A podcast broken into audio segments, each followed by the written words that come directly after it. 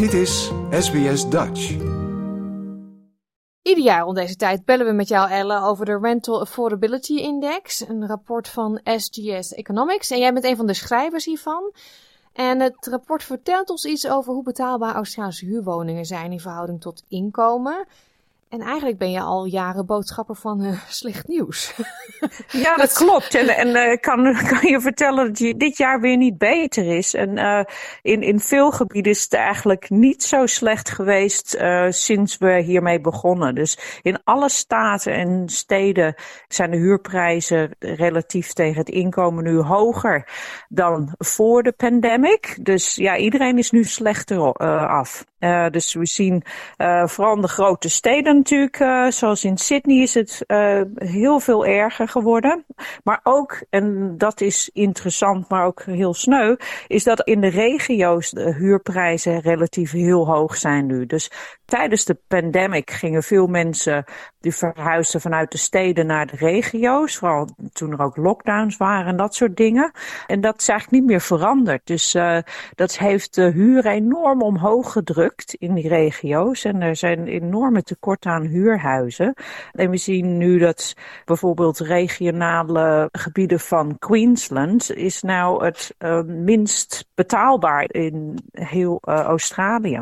Dus nog minder betaalbaar dan Sydney?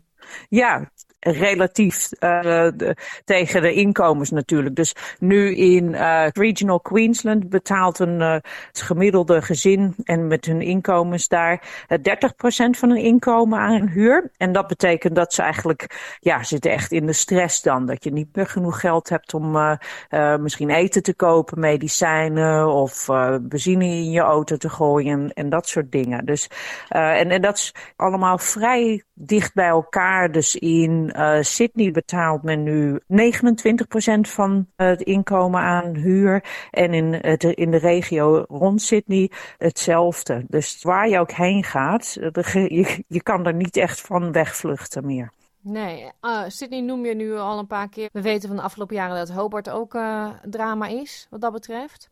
Ja. En ik zag dat Perth ook uh, een grote stijger, maar dat is eigenlijk... Ja, dat klopt. Ja, ik denk dat ook natuurlijk er is uh, waarschijnlijk weer een nieuwe mining boom, dus veel meer banen daar. Dus we zien weer, en dat, dat gaat in WA, Western Australia, zie je dat het heel erg op en neer gaat met, met uh, hoe we, goed het gaat in de mining industry.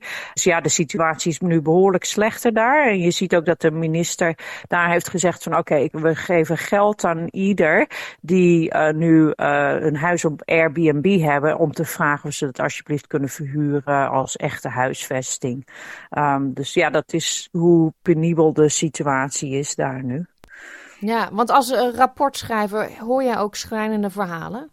Ja, kijk, ik doe natuurlijk meestal uh, gewoon de cijfertjes en, die vertellen een verhaal. Maar ja, we, we werken altijd samen met uh, Shelter New South Wales. Dus dat is een belangenorganisatie die ja, heel veel steun biedt aan mensen die uh, dakloos zijn. En organisaties die mensen daar steun in geven en, en proberen hun weer onderdak te geven.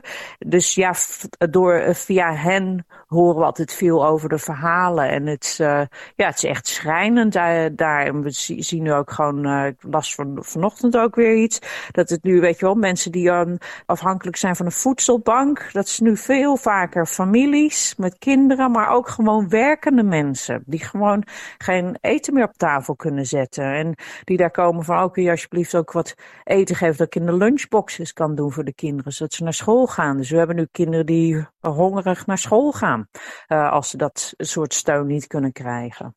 Ja, en dat in een land als Australië, dat is eigenlijk niet te geloven. Je noemt net de minister in WA, die uh, heeft aangekondigd uh, iets te gaan doen. Heeft de federale regering en hebben andere staten al gereageerd? Uh, ja, je ziet een beetje hier en daar wel wat gebeuren. Natuurlijk, Labour government federaal heeft wel wat aangekondigd. Maar als je nou echt kijkt van nou, hoe, hoeveel is dat eigenlijk wat ze doen, is het meestal gewoon een druppel op de gloeiende platen. Ze hebben natuurlijk een housing fund aangekondigd en alles. En ja, ze bouwen sociale huizen. Maar dat dekt alleen maar de extra vraag die erbij komt ieder jaar. we hebben natuurlijk al een enorm tekort. Dus we moeten eigenlijk nog veel meer doen. Een ehm, interessant ding wat ik heb gezien, dat hebben ze ingevoerd een aantal jaar geleden in Canberra. Waar ze zeiden van oké, we gaan even iets doen aan hoeveel je de huren kan verhogen. Want dat loopt een beetje de spuigaten uit. Dus die zeiden oké, nu kun je de huur daar verhogen ieder jaar alleen uh, zoveel als er inflatie is en een klein beetje meer. Maar dat moet heel erg gelieerd zijn aan inflatie en de cost of living en hopelijk daarmee ook inkomens. En als een landlord de huren meer wil verhogen, dan moet hij eerst naar een soort planning court om aan te tonen waarom de huur meer dan normaal omhoog moet gaan. Hmm. En het goede daarvan is dat nu voor het eerst de landlord moet aantonen waarom iets moet gebeuren. En anders kan het niet, want op het moment is het natuurlijk altijd hangt het af van de huurders om te gaan klagen. En die hebben er vaak en geen voet om op te staan. En als ze klagen, zie je heel vaak dat huurcontracten gewoon beëindigd worden. Dus mensen zijn te bang om te klagen. Dus het is heel goed om die balans weer daarin te krijgen. Want op het moment is het natuurlijk heel oneerlijk die balans. En, en de, de landlords kunnen er gewoon de prijs stellen in de meeste staten, zoals ook in New South Wales. En, en huurders hebben eigenlijk niks te zeggen. En nee. Dus ja, de situatie is zo slecht dat je echt gewoon moet ingrijpen in die markt. En dat zien we nu langzaamaan gebeuren. This is your invitation to a masterclass in engineering and design. Your ticket to go from zero to 60 with the Lexus Performance Line. A feeling this dynamic is invite only. Fortunately, you're invited. Experience the exhilaration of the Lexus Performance Line and some of the best offers of the year on select models at the Invitation to Lexus sales event, now through April 1st. Experience amazing at your Lexus dealer. Maar wat jij net vertelt over de ACT, dat klinkt uh, eigenlijk logisch. Volgens mij heb je in Nederland ook uh, regels dat je de huur niet zomaar um, onbeperkt mag verhogen. Hier mogen ze inderdaad doen wat ze willen en zo vaak als ze willen. Um, waarom wordt hier niet landelijk iets voor ingevoerd, een landelijke wet ingevoerd? Of uh, waarom ja. gaan al die staten van goed idee? Dat gaat, want het klinkt toch als iets heel redelijks.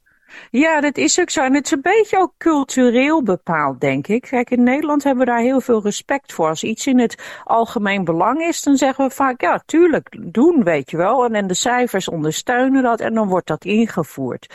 Uh, in Australië zie je toch vaak dat het een beetje anders is. Dat uh, eigenlijk alles moet maar via de markt gaan. Maar er is dan, we kijken niet naar dat eigenlijk de markt helemaal niet werkt op het moment. Want de leegstand in huurhuizen is zo laag dat, weet je, als als er een huurverhoging is, kan jij als huurder niet zeggen van oh, dat vind ik te veel, ik ga wel daar wonen nu, want er is geen andere plek waar je kan wonen. Dus um, er is echt een goede reden om in te grijpen. En het natuurlijk ook heeft te maken heel erg met uh, de politiek. Dus uh, het is natuurlijk jarenlang heeft het heel veel mensen enorm veel windeieren gelegd om maar te kunnen investeren. En uh, als je eenmaal één investeringsproperty hebt, is het heel makkelijk om dat maar uit te breiden. En er is natuurlijk hele goede belasting belastingvoorwaarden daar. Dus als je dat gaat veranderen, dan zou je wel eens wat kiezers kunnen verliezen. En dat is natuurlijk met Labour gebeurd een aantal jaar geleden. Maar tegelijkertijd wat we zien, en dat is waar de Greens heel erg op inspringen nu, is eigenlijk dat we zien dat er heel veel huurders zijn. We weten nu dat een derde van alle huishoudens huren en vaak voor de hele lange termijn. En die groep is aan het groeien en dat zijn vooral jongere mensen en die zijn, er, die zijn het echt zat. Dus dat wordt nu ook een hele politieke grondbeweging. Dus hopelijk dat dat nu de politieke partijen genoeg vertrouwen geeft dat ze denken van oké, misschien moeten we eens wat meer doen. Ja, want het heeft natuurlijk ook weer te maken, de huurprijzen, met de koopwoningen en de verhoging van de rentes door de RBA. Dat wordt allemaal gewoon doorberekend aan huurders. Ja, Eigenlijk voelen die woningeigenaren er helemaal niks van. Nee, dat klopt. Als je kijkt naar Sydney over, Sydney over het afgelopen jaar zijn de huren met 18,2% omhoog gegaan. Dat is zelfs meer dan de inflatie. En als je kijkt ook wat de verschillende economen hebben gezegd over het afgelopen jaar. Die zijn er van nou echt, eigenlijk zijn nu de huurprijzen, zover als die omhoog gaan, die zorgen ervoor dat er meer inflatie is. En dat zorgt er dan weer voor dat we renteverhogingen krijgen van de banken. En dat leidt er dan weer toe dat huiseigenaren zeggen: Oh, mooi, dan uh, verhoog ik de huur weer. Dus we zitten nu echt in een visieuze cirkel. En ja, alleen maar die, uh, de RBA de rente te laten verhogen is gewoon geen goed antwoord. We hebben gewoon uh, politiek beleid nodig dat, dat zegt van: Oké, okay, we moeten echt stoppen met die huren zo te verhogen. want we moeten ook iets aan die inflatie doen. Um, ik denk dat dit uh, vraag naar de bekende weg is, maar is er iets positiefs uit jullie rapport dit jaar te op te maken? Uh. Nou, oké, okay, dankjewel. sorry. Uh, nou, nou ja, het enige positieve dat ik kon, sorry, kon vinden was waarschijnlijk in dat inderdaad in Canberra, die dus een aantal jaar geleden die rem op de huurprijsverhoging heeft ingezet. Het lijkt er nu dus echt op dat dat echt werkt, want Canberra was een van de weinige locaties waar de situatie niet erger is geworden. Dus hopelijk dat dat soort bewijs wordt gebruikt door uh, de beleidsmakers om daar eens even over na te denken. Wil je nog meer soortgelijke verhalen? Luister via Apple Podcasts, Google Podcasts, Spotify of waar je je podcasts dan ook vandaan haalt.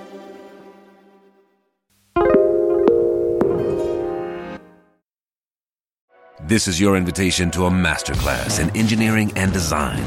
Your ticket to go from zero to 60 with the Lexus Performance Line. A feeling this dynamic is invite only. Fortunately, you're invited. Experience the exhilaration of the Lexus Performance line and some of the best offers of the year on select models at the Invitation to Lexus sales event, now through April 1st. Experience amazing at your Lexus dealer.